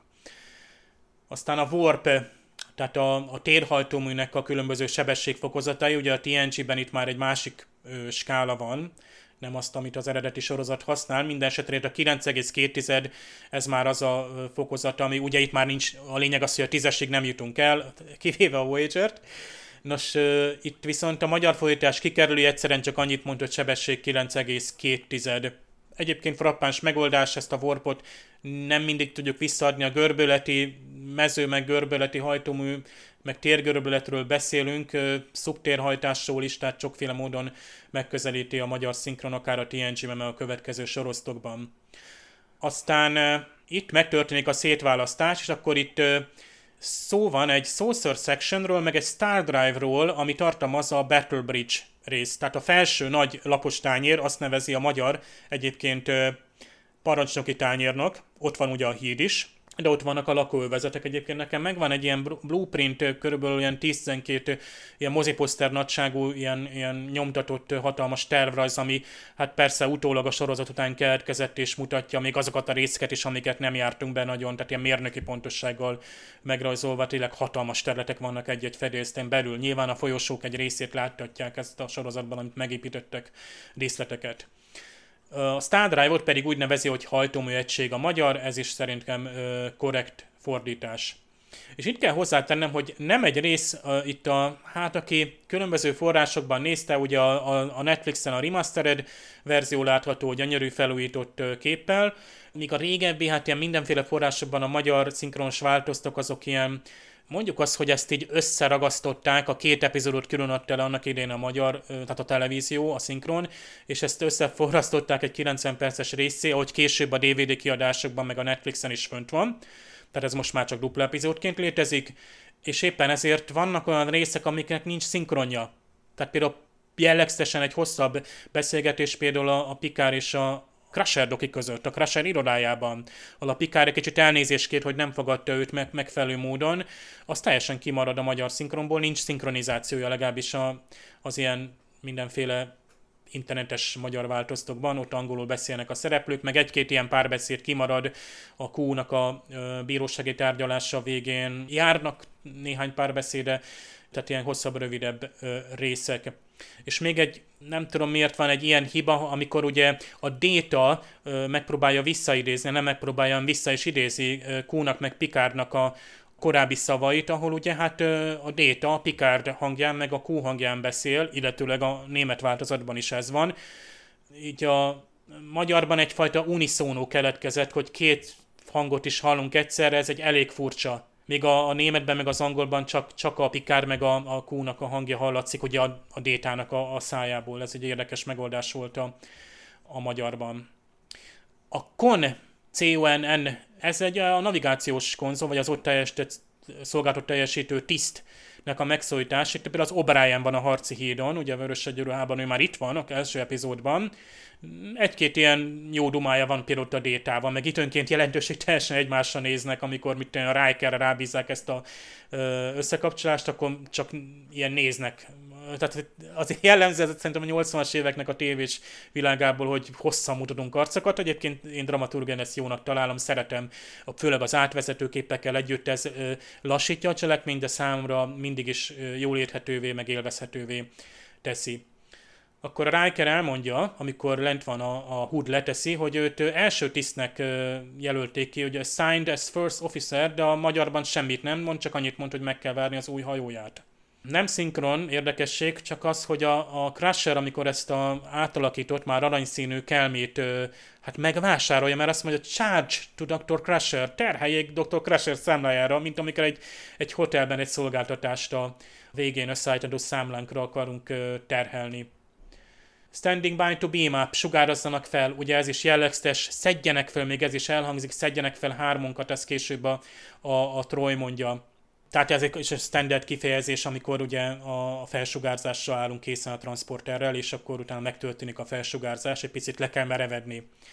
Nagy meglepetés a Rikernek, hogy ott van a Troy a fedélzeten, hát itt régi kapcsolatok elevednek újra, ugye Picard és Crusher, Riker és Troy, itt még ugye Troy, mintha telepata lenne, hogy a Riker hallja a Troy gondolatait, viszont Picard úgy mutatja be a Troyt, hogy az angolban csak annyit mond, hogy this is our ship's counselor. Viszont magyarban azt mondja, hogy a hajónk diplomácia és lelki tanácsadója. Tehát a magyarban ad egy többlet jelentést, hogy körbeírja már itt a érdekes módon az első részben, lehetséges, és nagyon szerintem arról is lehet szó, hogy a, a fordító ő, ő látta már a sorosztot, vagy a korábbi szinkronos verziót, és így már tudott arról, hogy a Trojnak milyen mm, szerepe lesz.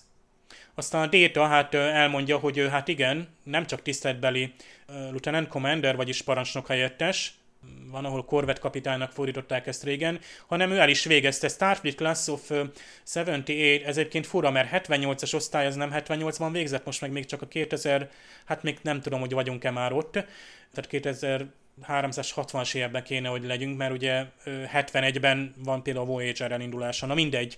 Tehát a, a data, probability, mechanics, exobiology, tehát ilyen valószínűség számítás, mechanika, exobiológiából is bizony kiválóan végzett, dicsérettel.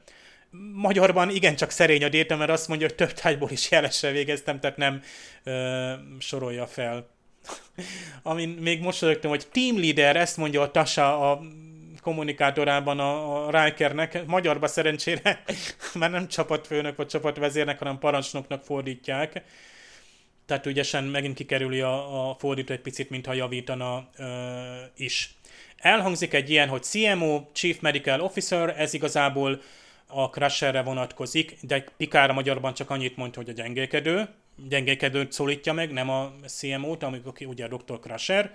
És végül, hogy ugye a műsorunk nevéhez híven, ugye van olyan, hogy impulzus meghajtás, hát ez az angolban itt valahogy úgy hangzik, hogy maneuvering jets, tehát ilyen manőverező fúvókák vagy hajtóművek, és a magyar már impulzus meghajtást mond, miközben ez nem is hangzik el így. Tehát itt is egy kis többletjelentés van, és ezért is dicsérem a magyar változtat már itt az első részben.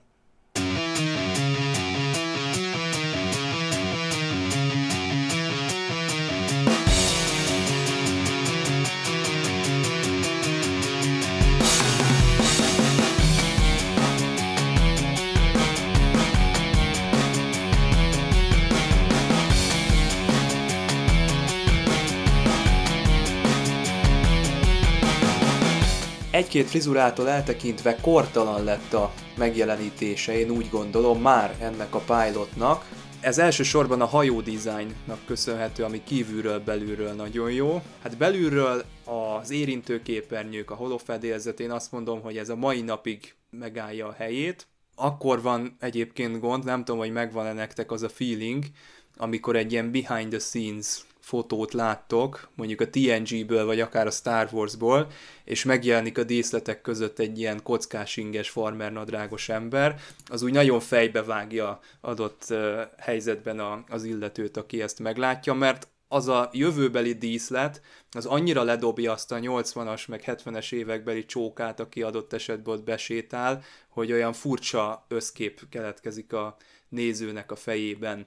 Most karakterek bemutatkozása szempontjából már kicsit vegyesebb a véleményem. Én kifejezetten furcsáltam azokat a jeleneteket, amiket a Dave felhozott már a kibeszélőben, amikor a Riker ugye rászól a Jordira, hogy most jelentést teszünk, vagy csak szórakozunk, vagy nem tudom, valami hasonló attitűddel rászól, meg ugye a Pikár is kifejezetten egy seggfej, amikor a Riker a fedélzetre lép, tehát ezek a rideg fogadtatások nekem egy kicsit távol állnak a, a TNG-nek a világától, ezek a nagyon katonás megoldások, illetve ugye érződik az is, hogy ha már a kapitány az nem teljesen olyan, mint amit Roddenberry várt, meg nem teljesen olyan, mint amit feltétlenül a néző várna, azért kell egy olyan körkszerű karakter is ide, ez a Riker, ő már a, a hajónak az összerakásánál is úgy áll a Battle Bridge-en, mint egy ilyen híró, illetve ugye az a zászlós is megnézi a seggét, azt nem tudom, hogy észrevettétek-e. Tehát a Riker ez a tipikus körkszerű karakter.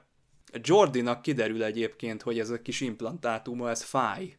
Nem tudom, hogy ez a későbbi epizódokban ez előkerül-e, de erre így nem emlékeztem, ez így nem volt meg nekem, hogy ő így ezzel küzdik de most ezek szerint ez is kiderül. Nagyon jó volt, hát Wesley Crusherre akkor térjünk rá, nekem tetszett ő is egyébként, és a Dr. Crusher is, az a jelenet az nagyon vicces, amikor ugye szól a Wesley Crusher, hogy a Pikárnak valami bejövő hívása van, és akkor mondja a doktornő, hogy a fiam is ezt mondta, ugye, amikor a War felismétli. Én azon tudtam mosolyogni, meg tudtam nevetni, kicsit ilyen bugyuta, de azért nekem ez ül.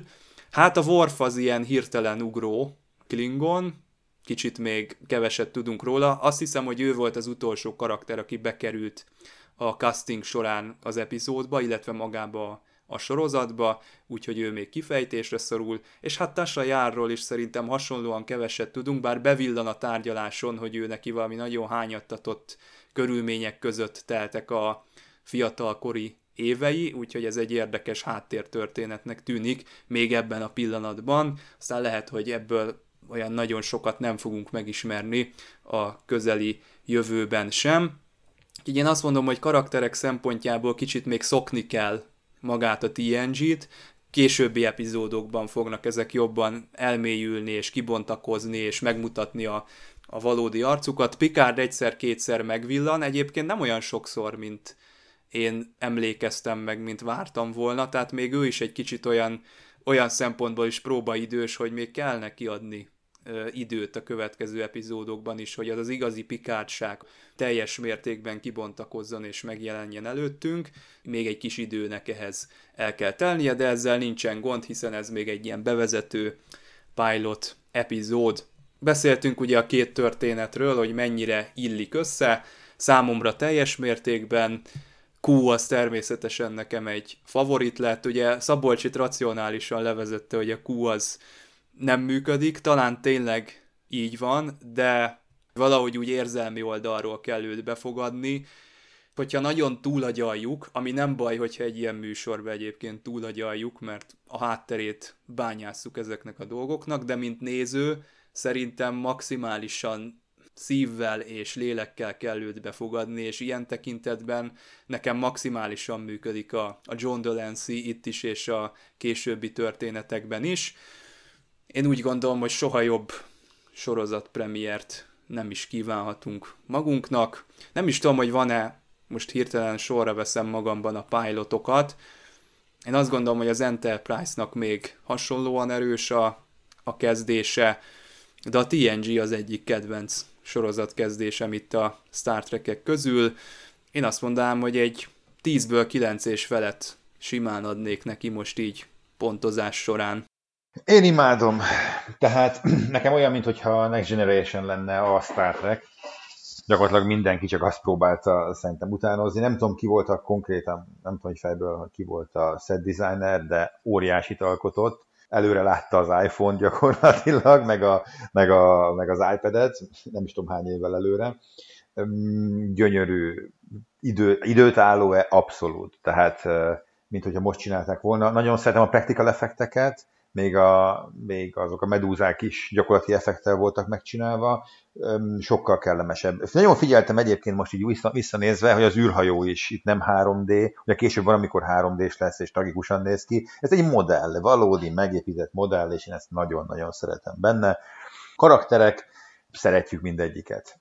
Ahogy mondod, Kút megér, lehet szeretni szívvel, figyelj, Ezekben a megírt keretek között nyilván működött, hiszen így írták meg, később még jobban ki is bontották, meg még érdekesebb is lett meg. Igazából van egy olyan rész, ugye, ahol azt mondja, hogy talán, hogyha van egy ilyen a világon, akkor Picard talán az egyetlen barát, vagy ami legközelebb van hozzá, egy barátnak lehet nevezni, az ugye pont Picard. Én azt gondolom, hogy mindenképpen érdemes újra nézni, sokkal, sőt, azt kell, hogy mondjam, hogy kifejezetten megállja a helyét ma is. Tehát, ha valaki még nem nézett egy ilyet soha meg, és a Next Generation-be bele akarna, vagy a Star Trek-et úgy általában meg akarná nézni, még az se kizárt, hogy ezzel a résszel lehet kezdeni. Egyáltalán a Star Trek pályafutását. Mert úgy nagyjából benne van, amit látni kell, bemutatják a holodekkel, bemutatják az űrhajót, a karaktereket, a federációt, a problémákat, amikkel találkoznak, tehát ez, ez egy jó darab. Nekem sokáig kellett egyébként várnom rá, amíg ezt megnézhettem. Ugye ezt Amerikába vetítették, és akkor bármi, ami onnan érkezett, az NTS cím volt. Nem tudom, erre emlékeztek-e. Aki ezt nem hallotta volna, ezt a kifejezést, ugye vannak ezek a sima videókazetták, a VHS, és Amerikában más formátumban rögzítették, sokkal gyorsabban, kicsit rosszabb minőségben, és az európai lejátszók nem tudtak NTSC videókazettát lejátszani, lejátszotta ilyen, ilyen salátaként, és nagyon nagy élmény volt, amik, hát először is nekem volt Amerikában barátom, aki küldött kazettákat, és nem tudtam megnézni, és akkor valahogy a 90-es évek így ben közepetáján sikerült NTSC-s lejátszót szerezni, és akkor először megnéztem, egy kazettán volt egyébként TNG is, meg, meg Deep Space Nine is, én, én úgy találkoztam, hogy egyszerre a kettővel, akkor nekem így pff, berobbant az agyam, és úgy maradt. Úgyhogy jó, összefoglalás az, hogy jó, király, nézzétek meg. Teljesen támogatom. 30 éves ö, volt a sorozat, amikor ö, ugye a Picard mint folytatás fölmerült, és akkor gondolkoztunk, hogy hát egy ilyen teljes sorozat, ami tényleg konkrétan a főszereplőt ennyire komolyan kifejtette, most még a könyvekről ne is beszéljünk, meg nem is kánoniak, de akkor is a, miről a nemeziség eljutunk, tehát mit lehet ott hozzátenni, és, és most, hogy látjuk, vagy láttuk a Picard sorozatot, illetőleg hát kvázi TNG folytatás még a Lower Decks rajzfilm sorozat is, mert közvetlenül a nemezés utáni időkben játszódik, spoiler, spoiler, még Riker is megjelenik, aztán Picardban még más TNG szereplők is ott vannak, plusz még hát maga a sorozatnak az a fénykora, amit szoktunk mondani, hogy a harmadik évadban indul el, és akkor ott kezdődik az a TNG, amit, amit ö, bárkinek bármikor ajánlhatsz. Én viszont azt mondom, hogy már itt az első évadban nekem annyira sok kedvenc van, hogy, hogy nehéz lenne olyat mondani, nem is tudok olyat mondani, amit nem szeretek. Tehát itt nincs olyan epizód. Hanem, hanem és mindegyben megtalálom azt, hát azokat az erősségeket, és kifejezetten azt a mondani valót, amit, amit inkább regényekben látunk leírva, vagy tényleg azt, amit szoktunk mondani, most ez csak egy címke, igaz, hogy hardcore science fiction, és persze az is változik, tehát most már belemegyünk a, ebbe a poszthumán, transhumán világba, és azt mondjuk a Pikár jeleníti meg úgymond, amivel a Pikár válik, mondjuk azt tekinthető már annak, és a TNG az még egy klasszikusabb, de ugyanakkor baromi időtálló módon fogalmazza meg ezeket az értékeket, amiket bármilyen science fictionben szeretsz. Tehát én nem is tudok olyan sci-fi rajongót úgymond, aki, tehát mondjuk úgy, hogy általános science fiction rajongó, és mondjuk ugye a TNG-vel nem találkozott, nem ismeri, nem szereti, nem értékeli és ez már itt a pilotban is benne van, tehát egész, egész különös, hogy a záró epizód az visszavisz minket ugye a pilothoz. Nyilván akkor 7 évvel később, és akkor ö, ott például azt hiszem a, a hangár ö, van ott újra teremtve, amikor a, a Pikárot köszönti a legénységet, az például innen hiányzik, de akár úgy is meg lehet nézni, hogy összevágjuk a kettőt, és akkor kapunk egy teljesebb részt, de keretes sztorit kap a Q is. Ugye ez a bizonyos tárgyalás, aminek nincs vége, sőt, hát a, a John Delancey még ott röhögött is, mint ugye Palpatine, ugye a 9. Star Wars epizódnak az előztesében, hát a John Delancey ezzel a nevetéssel jelezte, hogy még mindig nincs vége a tárgyalásnak, és még a Picard másik évadában is folytatódik, ami jövőre jön csak és már nem tudjuk elképzelni, hogy még mindig a szerencsétlen Jean-Luc Picard még mindig az emberiségnek a múltbeli bűneiért veszik elő, hát már biztos, hogy nem, és sokkal személyesebb lesz. Mert ebbe az irányba mozgunk el, most már személyes dráma, és azon belül is sötétebb hangvétel kell, míg itt például én már karakterekben már most nyilván utólag okos vagyok, hogy látom azt a potenciált, bár tényleg nem jut mindenkire idő. Ugye itt jött be a TNG-ben, hogy hét fő karaktert mozgatsz nagyjából. És persze, hogy nem lesz mindenkire idő, de itt jön be az is, hogy majd lesznek karakterepizódok. A Worf megkapja a maga sztoriait már az első évadban, Jár is megkapja magáét, de egyébként már azelőtt, hogy jönne ugye ez a Argus vagy milyen lény, azért őt elkezdjük kifejteni, sőt még utólag is.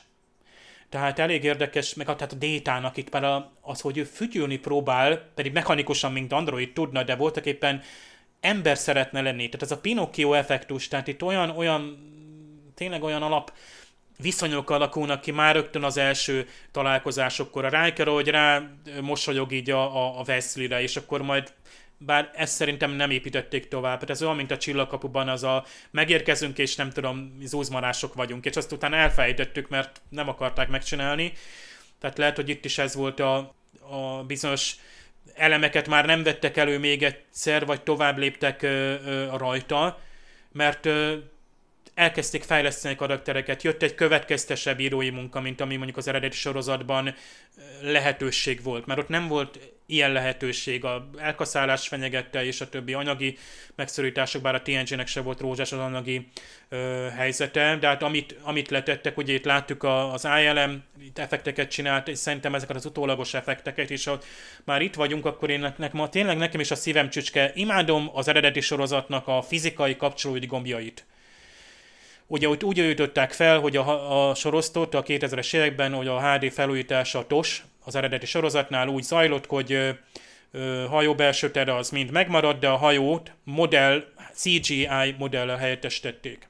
A TNG sorozat felújításakor viszont egy másik módszert alkalmaztak. Itt rendelkezésre álltak az eredeti stúdiófelvételek, nagyon sok filmnegatívon, tehát filmtekercseken, ezek viszont nem voltak megvágva, és nem is tartalmazták az effektusokat, mármint az olyan effektusokat, mint a fézerek, a különböző, például energiarács, amit itt a kúnál látunk, a transportálásnak az effektje. Viszont a stúdióban készült felvételek, lásd a hajó belseje, vagy a modellekkel készült felvételek, mint például maga az Enterprise D-nek is, és most nem tudom pontosan hány lábas modellje volt, de ez azért legalább azért két métert megközelítette. Ez egy nagyon résztes modell is, és ezért ajánlom mindenkinek, hogy ezt a bizonyos felújított változtat, ami 2012-től készült évadról évadra bedigitalizálták erről az eredeti negatívokról ugye az egyes epizódokat, és újra kellett vágni, hiszen a vágás az csak ugye a mágnes szalagon állt rendelkezésre, tehát újra vágták, ugyanolyan, hát nagyjából ugyanolyan, majdnem teljesen azonos hosszúságra, és az effektusokat is újra kellett gyártani, tehát ezek a fézel, transport, ezek az effektusok újak, viszont a modell, maga a hajó, az Enterprise káprázatos, tehát ahogy kinéz itt, és itt bőven megkapjuk, tehát szinte mint egy mozifilm, abszolút időtálló, tehát itt bármilyen CGI modellás, mondjuk ugye láttuk például hát a, a Picard első részében, hogy ott bizony egy CGI modell volt, és úgy érezték, hogy ez egy kicsit más,